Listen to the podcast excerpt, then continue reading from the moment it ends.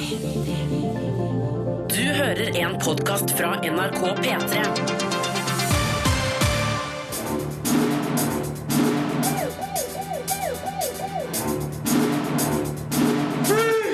Filmpolitiet!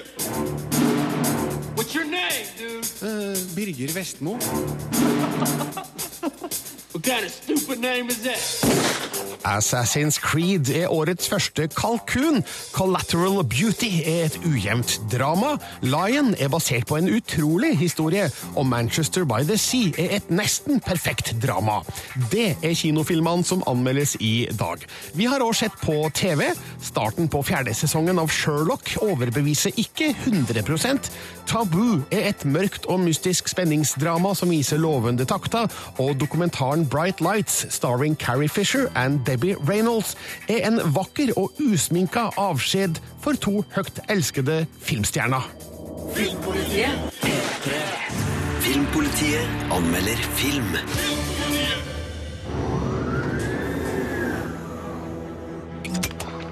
What is this? I'm sorry, Carl. This is not the way I like to do things. Don't do it.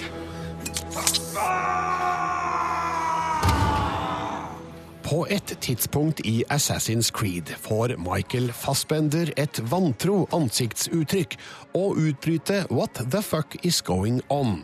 Det kan være hans ekte reaksjon på filmen han er med i, for Assassin's Creed har blitt en smakløs suppe av en historie der all verdens kameratriks og spesialeffekter ikke kan skjule det faktum at regissør Justin Kurtzel ikke har en skikkelig historie å fortelle.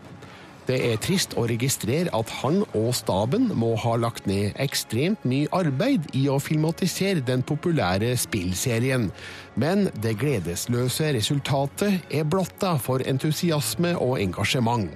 Assassin's Creed er rett og slett årets første kalkun. What do you want from me? Your past. Filmen bygger på en diffus historie om den eldgamle kampen mellom assassinerne og tempelordenen. Begge jakter på Edens eple, som inneholder frøet til menneskehetens frie vilje. Cal, spilt av Michael Fassbender, viser seg å være en direkte etterkommer av assassineren Agiar, også spilt av Michael Fassbender, som stjal eplet i 1492. Far og datter Rykin, spilt av Jeremy Irons og Marion Cotillard, kobler Cal til Animus, en virtuell virkelighetsmaskin som vekker genetiske minner i hans DNA, slik at de kan se hvor Agiar gjemte eplet. Ah, they're watching you. Waiting to see who you are, Pioneer. Filmen er basert på en suksessfull spillserie som jeg ikke har testa. Spillfans som reagerer på det, må skuffes. En film skal kun fungere uten forutgående kjennskap. Det gjør ikke Assassin's Creed. Den introduserer oss for et potensielt interessant univers basert på spansk middelalderhistorie, men har ingen figurer å føle for, verken i positiv eller negativ retning. Sjøl en dyktig og dreven skuespiller som Michael Fassbender makter ikke å gjøre noe som helst av interesse med hovedrollen. Assassin's Creed har vært en stormende suksess som dataspill, men ingenting tyder på at bedriften gjentas på kino. Do you. Terningkast to. Dette er Filmpolitiet Filmpolitiet på P3. I sted anmeldte jeg da Assassin's Creed til en terningkast to. Det gløder i kommentarfeltet på p3.no Filmpolitiet, så du må gjerne ta en titt eh, der og si din mening. Spesielt etter at du har sett filmen. Hovedrollene spilles av Michael Fassbender og Marion Cotillard. NRKs Espen Aas har møtt dem i London. At 6 p.m. yesterday evening, you were executed and pronounced dead. Siden 2007 har de som har villet, kunne følge Assassin's Creed-universet som spill. Fanskaren har ligget på rundt 100 millioner mennesker så langt. Men å lage film av spill kan være risikabelt, for hvor mange spill har egentlig forvandlet seg til kritikerroste filmer? Da NRK møtte hovedrolleinnehaver Michael Fassbender i London nylig, var han fullstendig klar over nettopp det da han takket ja til rollen. I didn't really know uh, any of the history, you know, but a lot of people, you know, sort of said, well, you know, it's never worked before, taking a video game to the cinema. I didn't really think about any of that. I just thought this was such a fascinating world, and I thought it would lend itself very well to a big screen. Ah, they're watching you. Waiting to see who you are there. Fassbender, som mange kjenner bl.a. som den unge Magneto i de siste X-Men-filmene, hadde selv aldri spilt Assassin's Creed da han ble spurt om å være Cal Lynch, som reiser tilbake i tid og blir Aguilar.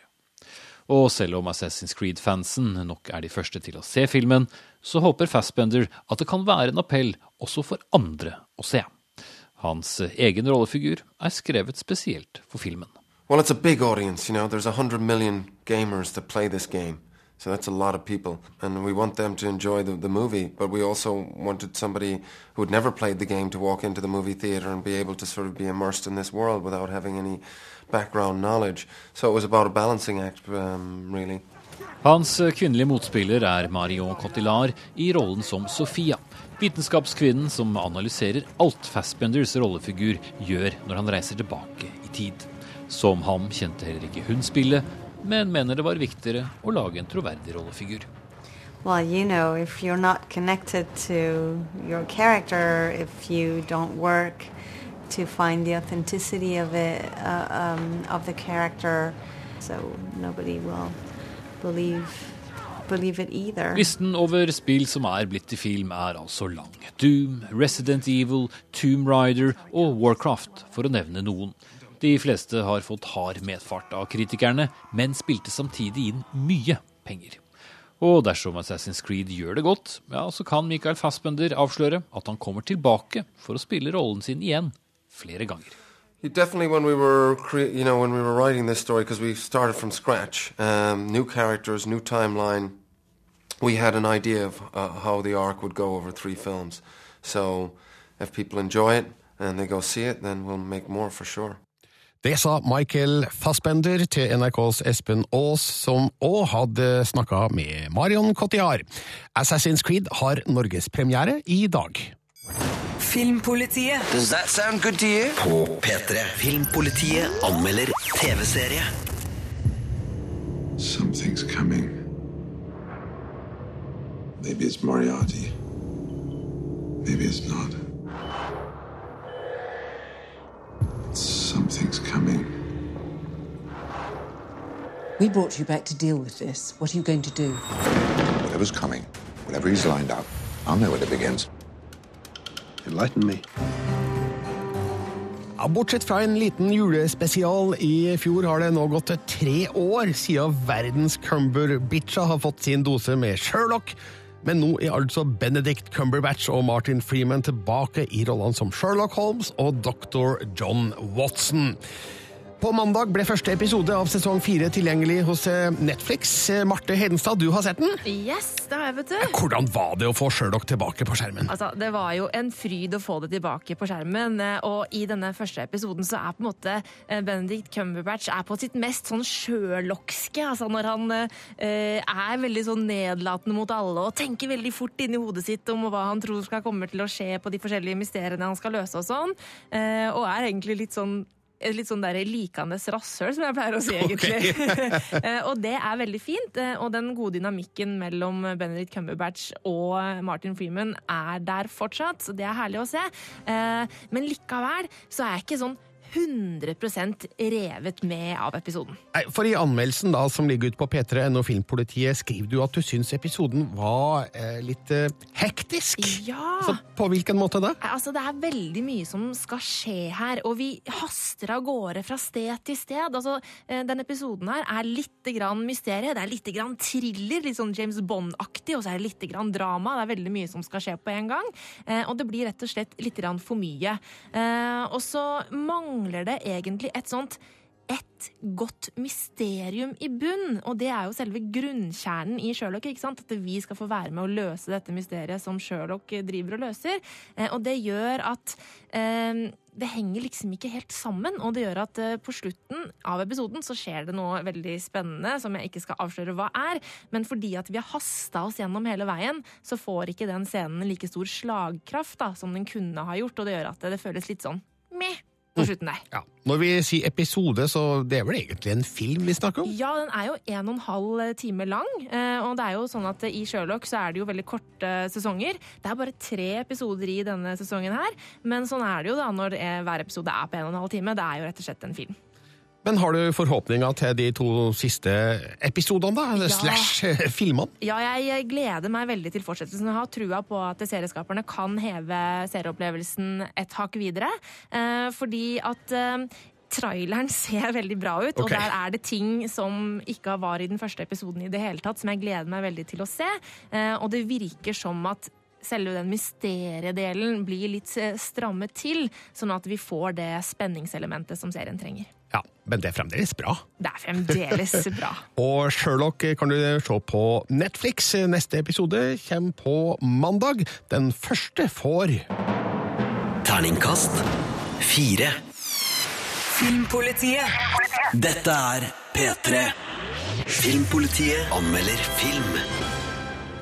love, time, death.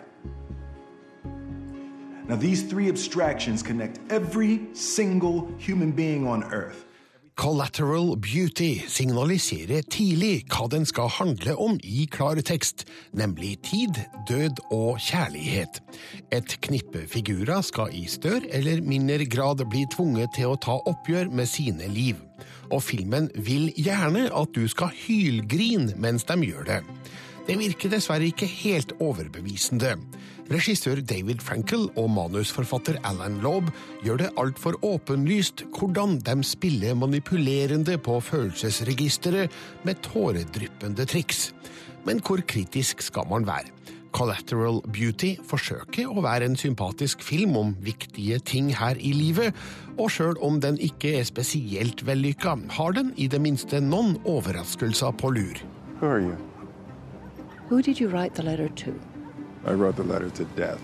Reklamemannen Howard, spilt av Will Smith, er en skygge av seg sjøl etter datteras død, noe som setter selskapet hans i fare. Kollegene Witt, spilt av Edward Norton, Claire, spilt av Kate Winslet, og Simon, spilt av Michael Penya, bestemmer seg for å gjøre noe for å redde firmaet. De finner ut at Howard har skrevet bitende brev til tiden, døden og kjærligheten som en slags terapi, og hyrer skuespillere, spilt av Helen Mirren, Keira Knightley og Jacob Lattimore, til å personifisere de tre konseptene. Planen er å filme Howard mens han snakker med dem i New Yorks gata, for seinere å fjerne skuespillerne digitalt for å få bevist for selskapets styre at han er utilregnelig. Uh, there's a thing called bereavement hallucinations. Yes. Collateral Beauty vil så gjerne være et emosjonelt høydepunkt. Kanskje hadde filmskaperne sett for seg at det her var Oscar-materiale. Dessverre er ideen for merkelig, manuset for ujevnt og utførelsen for blass til at tårekanalene lar seg åpne. Når sjøl klumpen i halsen er fraværende idet oppbygginga når sitt klimaks, er det tegn på at Collateral Beauty feiler. Tittelen oversettes for øvrig med utilsikta skjønnhet, men alt det vakre som kommer ut av denne filmen, er i høyeste grad tilsikta, planlagt og kalkulert. Kanskje er det nettopp derfor det ikke gjør så stort inntrykk. Howard, you have a conversation with me? Uh, yes. Terningkast tre. Filmpolitiet. På P3. Det er straks klart for Golden Globe-utdelinga i Hollywood. Natt til mandag deles prisene ut som regnes som de nest viktigste etter Oscar, og kanskje den beste pekepinnen på hvilke som ligger an til å bli Oscar-nominert. Eh, Marte Hedenstad og Sigurd Vik, dere skal følge hele greia natt til mandag. Å ja da, vi skal sitte oppe hele natta og kose oss med priser og show og rød løper og hele pakka.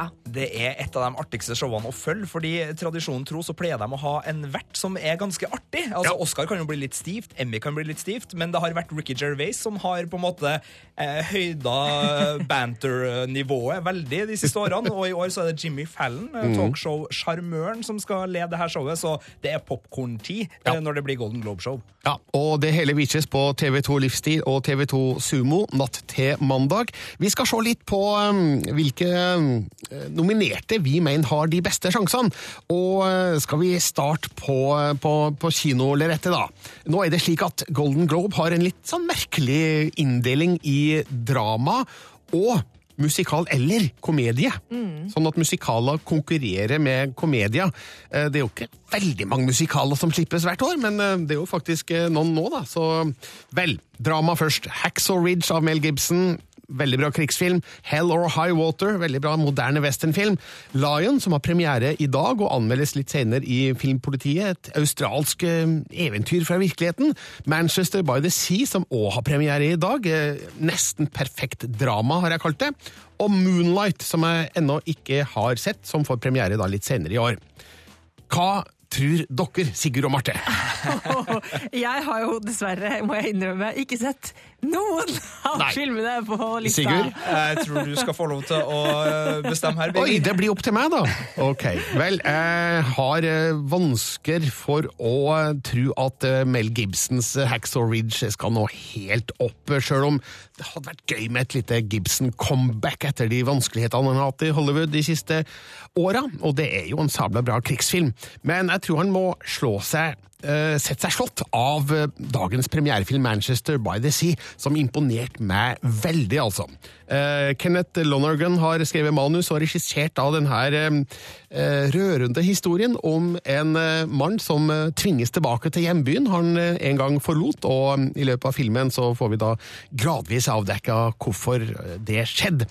Kjemperolle av Casey Affleck, og um, en film som um, tidvis berører stort. Og jeg tror nok at uh, dette også blir en Oscar-contender, så jeg har et lite uh, en liten følelse av at uh, den vil vinne i kategorien uh, beste spillefilm drama. Beste spillefilm musikal eller komedie. Veldig åpen gruppe, da, men det er da 20th Century Women, Deadpool, Florence Foster Jenkins, La La Land og Sing Street. Og nå er det jo veldig mye snakk om La La Land. Eh, Den har jo ikke hatt premiere ennå, kommer først i februar. Men eh, det er jo en musikal med mm, Ryan Gosling og Emma Stone, som eh, kritikere har blitt forelska i, både på mm, festivalen i Toronto og Venezia. Sånn at jeg tenker også der at La La Land ligger godt an.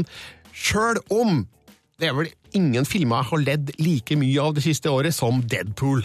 Eller hva? Ja, jeg digga Deadpool. Jeg syns den der grovkorna humoren der, eh, og den metahumoren, er så morsom. Men eh, jeg tror kanskje ikke det blir noe Golden Globe-pris, eller hva sier du? De er jo veldig glad i å være kontrær, og så er de jo veldig glad i å belønne det nye. Så, så det kan jo være Og mm, ja, nei, det var jo veldig mange gode replikker, i hvert fall i Deadpool, så årets eh, replikksammensetting bør i hvert fall den filmen få. Men La La Land er den sannsynlige vinneren i kategorien beste spillefilm, musikal eller komedie på Golden Globe. Straks skal vi se inn i TV-ruta og sjekke hvilke nominerte som har størst sjanser der. Filmpolitiet. Does that sound good to you? På P3.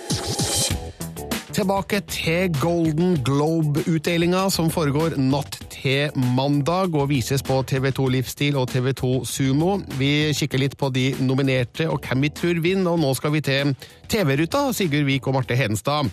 Um, det blir vel nok en gang krig mellom HBO og Netflix. Ja, virkelig også. Altså, denne gangen så er det jo, eh, i tillegg til Game of Thrones, eh, så er jo Westworld eh, nominert fra HBO sin side. Og så har vi jo Stranger Things og The Crown fra Netflix. Så det er liksom to store giganter som, som Battle krige. Battle of the. Giants. Ja. Og det her er altså i kategorien beste dramaserie. Hvem vinner? Jeg har sjelden sett en så jevn kategori. Du har også dramaserien This Is Us, som er en sånn god sånn feel good-serie som snart kommer til Norge. TV3 tror jeg, eller en av Viasat-kanalene får den i februar. Det er fem serier som alle kan vinne, men vi tror vel at The Crown er den som stikker av med serien her. Det her var jo en Veldig vanskelig å si, altså. For Altså, det er så jevn, den eh, Ikke, kategorien. men vi tror- ikke Stranger Things. Den er en underdog som kan uh, gjøre det godt, uh, men vi har jo kanskje tro på at uh, Banana Rider får prisen for beste kvinnelige skuespiller i en dramaserie. Eh, ja, det blir spennende, altså. Veldig vanskelig. Jeg, jeg har trua på eleganse og, og det episke i The Crown, pluss at den er helt ny. De elsker jo ting som er helt nytt i Golden Globe-sammenheng på seriefronten. Hva med beste komiserie? Hvem er nominert eh, der? Der har vi Atlanta, Blackish, Transparent, Veep og Mozart in the Jungle. Eh, og der er det vel bare Atlanta som er eh, nykommer, er det ikke sånn, Sigurd? Jo, den er helt eh, fersk. Ellers så har vel både da Mozart in the Jungle og Transparent vunnet det her tidligere. Mozart in the Jungle vant i fjor. Men vi ga jo terningkast seks og heier jo veldig på nykommeren Atlanta, som er Donald Glover sin hiphop-dramedie fra Mm. nettopp Atlanta. Den er rett og slett bare helt nydelig. Eh, En av våre favorittserier fra 2016. Og jeg tror, og Marte tror vel også, at fordi som sagt, Golden Globe er så glad i å breake og anerkjenne det nye, Mm. at Atlanta som eh, både fersk og veldig bra eh, har veldig gode muligheter her. Og det er jo mange som kjenner til Veep, som er en serie som har vunnet enormt mange priser, særlig på Emmy-fronten. Men der har det ikke vært så mye på Golden Globe, rett og slett. Så vi tror nok at Julia Louis Dreyfus går forbi stillhet eh, i Golden Globe denne gangen. Vi får se natt til mandag når Golden Globe går av stabelen i Los Angeles. Det vises altså på TV2 Livsstil og Sumo, men de som ikke gidder å sitte opp og følge det, kan sjekke ut eh, våre nettsider på mandags morgen, Sigurd. Absolutt, og hvis du er våken og har lyst til å prate med meg og Marte underveis, så bare gå på p3.no filmpolitiet, for der sitter vi! Oh yes! Vet dere hva jeg skal gjøre? Eh, sov. Sove. yes! Ja. Dette er Filmpolitiet på P3. P3. Filmpolitiet anmelder film. Let's uh, start with where you're from. Calcutta. Which part? I'm adopted. I'm not really Indian. Filmer med merkelappen basert på virkelige hendelser kan av og til pushe grensene for hva som er troverdig. Lion gjør òg det, men holder seg akkurat innafor. Det her er et velregissert drama med en strålende Dev Patel i hovedrollen og en fortryllende Sunny Pavar som barneversjon av han. Forteksten avslører at Lion er basert på boka A Long Way Home av Saru Brierly. Når hovedpersonen òg heter Saru, forstår man sånn cirka hvordan det hele skal ende. Klimakset kun har blitt skildra mer nyansert, men veien dit er et indisk-australsk eventyr som berører uten å sukres unødig. Idhar ja, Fem år gamle Saru, spilt av Sunny Pavar, forviller seg om bord på et tomt tog, som tar han langt bort fra mora Kamla, spilt av Priyanka Bose, og broren Gudu, spilt av Abhishek Barate. Han ender opp med å bli adoptert av det australske ekteparet Sue, spilt av Nicole Kidman, og John, spilt av David Wenham. Over 20 år senere blir den voksne Saru, spilt av Dev Patel, besatt av å finne hjemstedet sitt ved hjelp av det nye dataprogrammet Google Earth. Men India er et stort land, og han har få spor. Leitinga tærer på forholdet med kjæresten Lucy, spilt av Rooney Mara. Saru, you need to face reality. Reklameapparatet rundt Lion er ivrig etter å sammenligne den med Slumdog Millionaire, og det er lett å forstå hvorfor. Begge handler om et gatebarn i India, hvordan han klarer seg i voksen alder, og har Dev Patel i hovedrollen. Lion er ingen match for Slumdogs energi og fortellerglede, men har noen av de samme stemningene og skildringene. Lion har to hoveddeler. I den første følger vi den unge Saros reise, der lille Sunny Pawar sjarmerer stort, samtidig som han formidler troverdige emosjoner som glede, sorg og frykt. I den andre delen er Dev Patel bunnsolid som adoptivsønn med identitetsproblemer.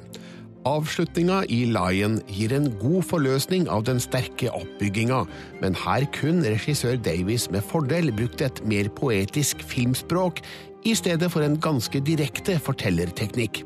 Denne filmen er likevel dømt til å trekke noen tårer ut av lettrørte kinogjengere. 25 years, Luce. 25! Terningkast fire. Dette er Filmpolitiet. Filmpolitiet På P3. På lørdag er det premiere på en av vinterens eh, storserier på HBO Nordic. Taboo er et historisk spenningsdrama fra London på starten av 1800-tallet. Tom Hardy spiller hovedrollen. Han har skapt serien sammen med faren sin, og Peaky Blinders-skaper Stephen Knight. Og selveste Ridley Scott er òg med på produsentsida. Filmpolitiet anmelder TV-serie. I have sworn that I will do very, very foolish things. You know, Delaney might just be crazy enough to take us all on. The king, the company, and the Americans. You do realize this whole business is about revenge. Ja, Sigurd Vik, du har sett det de to første av i alt åtte episoder av Tabu. Ja, åssen er det her, da? Eh, vent litt, du trenger en mikrofon nå, ja. Vær så god. Takk Vær skal så du ha. god. Du, eh, det her har vært en av de seriene jeg har virkelig, virkelig gleda meg til. Og det er en lovende start, det må jeg si. Den er ikke nødvendigvis for alle. Det her er en mørk og seig eh, serie om en hjemvendt eventyrer som folk trodde var død, som kommer tilbake til London da idet hans far skal gravlegges. Det her er da James Delaney og spilles av Tom Hardy. Faren har etterlatt en arv som eh, går til Delaney, men som både hans svigerbror og ikke minst The East India Company, som er et sånt stort handelskonglomerat. Eh, Se for deg CIA blanda med Google, blanda med hva som helst. Altså, De er store på denne tida, og de vil også ha tak i denne arven. Så da blir det jo konflikter, da, og masse konspirasjoner. Og jeg er så glad i konspirasjon, Birger. Jeg er så glad i London på 1800-tallet. Jeg er så glad i uh, litt sånn mystiske overtoner, for det er noe sånn der ø, magiske afrikanske røtter han har plukka opp på, på veien her, som han tar med seg inn og driver med litt sånn ansiktsmaling og puster litt pulver og, og alt det her digger jeg. Så er det en del litt sånn skumle fallgruver. Jeg ser dem, men etter to episoder så ser det her veldig bra ut, og jeg er virkelig drevet med videre, sjøl om jeg innser at det her treffer meg fordi jeg liker det så godt, og at det kanskje er en del som vil ramle av.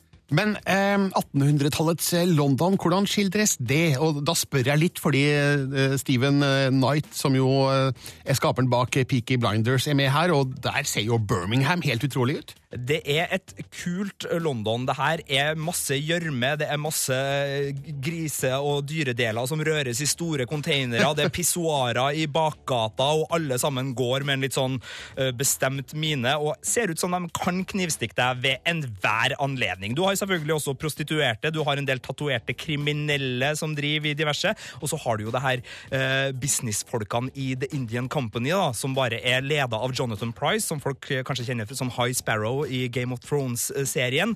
Han er jo helt nydelig som brekkekkel og skruppelløs og slu, og sitter med et sånt lite hoff av andre forretningsfolk også, med hatter og pene tøy, som gjør gir ordrer til de mest bestialske ting. Det ligger også slavehandel som et eh, sånn bakenforliggende moralsk motiv her, og det er jo Mm. veldig viktig å si at det er jo ingen good guys i denne serien. Du heier jo litt på folk, men de er jo korrumpert hele gjengen. Og så er det jo en tittel, da, Tabu, som eh, mm, ja, Jeg skal ikke avsløre noe, men eh, jeg syns kanskje ikke tabuet er saftig nok. da. Det er en av de tingene jeg ikke syns er helt godt. Og så jeg frykter jeg litt at det blir vel mye Tom Hardy, for han grynter og, og stønner en del. Men, men ja, jeg er med, altså. Ja, altså Hvis man har Tom Hardy i hovedrollen, så må man jo bruke Tom Hardy. Ja da, det, det er jo derfor det er Men artig. du, jeg visste ikke at han hadde en far som også driver på med det her. Han er en av eh, co-skaperne her? Ja, han heter Edward Chips Hardy, og det er vel stort sett det jeg vet om ham, men han virker å være en figur som har en viss berømmelse i Storbritannia, eh, som er sitt hjemland, for han har jo fått det kule klengenavnet Chips. Uh, Birger Chips Vestmo, er det noe du ville ha hatt? Jeg tror jeg står over den. Men uh, det, det hørtes ikke så tøft ut eh, å ha en eh, pappa som heter Chips. Nei, det kan være der. eh, Altså, Tom Hardy har kanskje kompensert litt der med, med sin egen framtoning for å, for å være tøff nok, men han er i hvert fall knalltøff i Tabu. Og Tabu har premiere på HBO Nordic eh, nå på uh, lørdag, altså i morgen. Og eh, du, Sigurd Vik, gir de to første episodene Terningkast fem. Filmpolitiet. He's a criminal's worst nightmare. A cop who enjoys the danger. Filmpolitiet på P3. Filmpolitiet anmelder film. I don't understand. Which part are you having trouble with? Well, I can't be his guardian. Manchester by the Sea er et praktfullt og lavmælt drama som forsterker inntrykket av Casey Afflecks talent som skuespiller og Kenneth Lonergans evner som manusforfatter og regissør. Denne flotte filmen er dypt menneskelig, troverdig og sannferdig. Den forteller en historie som elegant observerer sine figurer på godt og vondt. Manchester by the Sea er en liten filmperle som tidvis beveger stort. I can't commute from Boston every day until he turns 18. I think the idea was that you would relocate. Lee, spilt av Casey Affleck, må tilbake til hjembyen Manchester by the Sea på kysten av Massachusetts når broren Joe, spilt av Kyle Chandler, dør. I testamentet har Joe skrevet at Lee skal være vergen til tenåringssønnen Patrick, spilt av Lucas Hedges. Lee har imidlertid ingen planer om å bli værende i byen, etter noe som skjedde med han og ekskona Randy, spilt av Michelle Williams, for flere år siden. I tilbakeblikk får vi gradvis danna et bilde av hva som foregikk, og hvilke konsekvenser det fikk. I know you've been around, and I, Just, I been, thought just been getting Patrick settled in. it seems like he's doing pretty good, huh? Considering. Manchester by the Sea starter med en idyllisk scene fra en fiskebåt, før en brå overgang til Lees grå tilværelse som vaktmester i Boston gir en sterk indikasjon på at noe har skjedd i mellomtida. Kenneth Lonergans manus legger et lokk på akkurat hva, noe som pirrer nysgjerrigheten. Beherska spill gir figurene flere lag som gradvis skrelles av. Møtet med slekt og venner i hjembyen byr på stille dramatikk, med noen eksplosive unntak. Historien har en utvikling som formidles med stor realisme og troverdighet. Lonergans regi er rolig og avmålt, der situasjoner får god tid til å utspille seg, og figurene rekker å feste seg skikkelig. Wait a second, I'm not selling it. We're gonna be in Boston anyway. What? Since when are we supposed to be in Boston? Just take it easy. Manchester by the Sea har flere fellestrekk med Kenneth Lonergans debutfilm You Can Count On Me fra 2000, som òg hadde en tematikk rundt tynnslitte familiebånd, en ambivalent hjemkomst og det å være en motvillig farsfigur. Manchester by the Sea er nesten et perfekt drama. Kun noen logistiske problemer rundt et dramatisk høydepunkt trekk ned, samt at Lucas Hedges har noen små problemer med å takle de mest emosjonelle scenene på en tilstrekkelig troverdig måte. Det hindrer likevel ikke Manchester by the Sea fra å være et velspilt og solid regissert drama av imponerende høy kvalitet.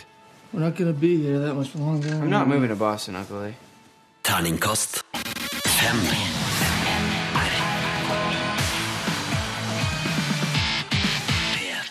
Det ble en rar romjul på kjendisfronten. Flere gikk bort. George Michael døde natt til første juledag. To dager senere døde Carrie Fisher, og dagen etter døde mora hennes, Debbie Reynolds. Felles for alle tre var at de hadde jobba med dokumentarfilmer om seg sjøl. George Michael laga dokumentar om sitt andre soloalbum, Listen Without Prejudice Volume 1. Filmen skal hete Freedom og skal ferdigstilles og sendes i løpet av 2017. Filmen om Carrie Fisher og Debbie Reynolds har premiere allerede nå på søndag på HBO Nordic. Filmpolitiet På P3. Filmpolitiet anmelder film. I have to go and start rehearsals for Star Wars 7 D2. I'm concerned because my mother is not feeling well. This for the show? I forgot I had it. That's what's good about losing your memory is there's so many surprises. It's like the old days in a way, but I'm like the old days, so. Her hørte vi klipp fra dokumentarfilmen Bright Lights, starring Carrie Fisher og Debbie Reynolds, som har premiere på HBO Nordic på søndag. Og dette handler altså da om eh, mor og datter som begge døde med ett døgns mellomrom i romjula. Eh, nesten for, si, for godt til å være sant, eller for vondt til å være sant, Sigurd Vik? Det er det. Det var den triste triste nyheten om at 60 år gamle Carrie Fisher døde, som kom på tredje juledag. Og dagen etter, og ifølge familiemedlemmer nesten uh, i sammenheng med, så gikk da mor Debbie Reynolds bort. Ja, det, og, ja. Dette er storstjerna i Hollywood. Uh, Carrie Fisher er jo da prinsesse Leia i Star Wars. Debbie Reynolds er kanskje aller mest kjent for å ha spilt i Singing in the Rain, uh, blant mye annet. Ja, det her er jo uh, Hollywood royalty-familie. Altså Hvis man ser båndene som kommer ut av denne familien, med ektemenn og sammenheng, så har man Elizabeth Taylor som tok mannen til Debbie Reynolds, altså Mr. Fisher. Og det er liksom, det er så mye glamour og historie som er knytta opp mot denne filmen. Carrie Fisher sammen med Paul Simon fra Simon and Garfunkel en periode. Og denne filmen samler all denne historien, og er en veldig sånn tradisjonell og ganske typisk dokumentarfilm i så måte, med rikelig med arkivklipp. Mm. Samtidig så henger vi med mor og datter i 2014-2015, da Debbie Reynolds driver og gjør sine siste show som sånn nattklubb-hostess. holdt jeg på å si. Hun har et sånt show der hun går gjennom karrieren sin i Las Vegas. Og uh, Carrie Fisher driver og spiller inn Star Wars episode 7, The Force mm. Awakens, så vi får liksom hengt backstage med dem, da, samtidig som de tar oss med tilbake i en veldig åpen dokumentar. Her er det maniske depresjoner som Carrie Fisher snakker om. Hun omtaler sin bipolare lidelse som to forskjellige personligheter, en som heter Roy og en som heter Pam, og er veldig humørfylt og åpen om sine egne lidelser. Og det samme er Debbie Reynolds, som snakker både om sin datter og om sin egen uh, fasadeprega liv, der hun har måttet holdt fasaden da, gjennom flere turbulente opplevelser. Og denne dokumentarfilmen er jo ikke noe som HBO har kokt sammen etter at de gikk bort. Dette har vært under planlegging i flere år? Ja, den hadde premiere i Cannes-festivalen i 2016 og har ligget og skulle komme litt seinere i vår, men da dødsfallene skjedde, så innså jo HBO at det her er en film som vi må ta, få ut nå. Så den kommer da allerede på, på søndag, og det er jo et annet lys å se den filmen ut fra at de begge nå gikk bort så nylig. Det blir en usminka og vakker avskjed. Jeg vil ikke si at filmen er intim, fordi det her er to skuespillerinner som allikevel klarer å holde et snev av fasade, mm. sjøl om vi er veldig tett på dem i egne hager og får lov til å komme inn kjøkkendøra. Her røykes det sigaretter og drikkes cola i smug, sånn at Lucas-folket ikke skal uh, begynne å krangle på dietten som Carrie Fisher måtte på for å gå tilbake til Star Wars. Vi får masse sånne ting. Men det er usminka og nært nok til at vi virkelig føler at vi er med så langt inn som vi kan bli med i en, så, ja, i en sånn setting. Bright Lights, starring Carrie Fisher and Debbie Reynolds, har da altså premiere på HBO Nordic på søndag, og du, Sigurd, gir da følgende karakter. Terningkast fem.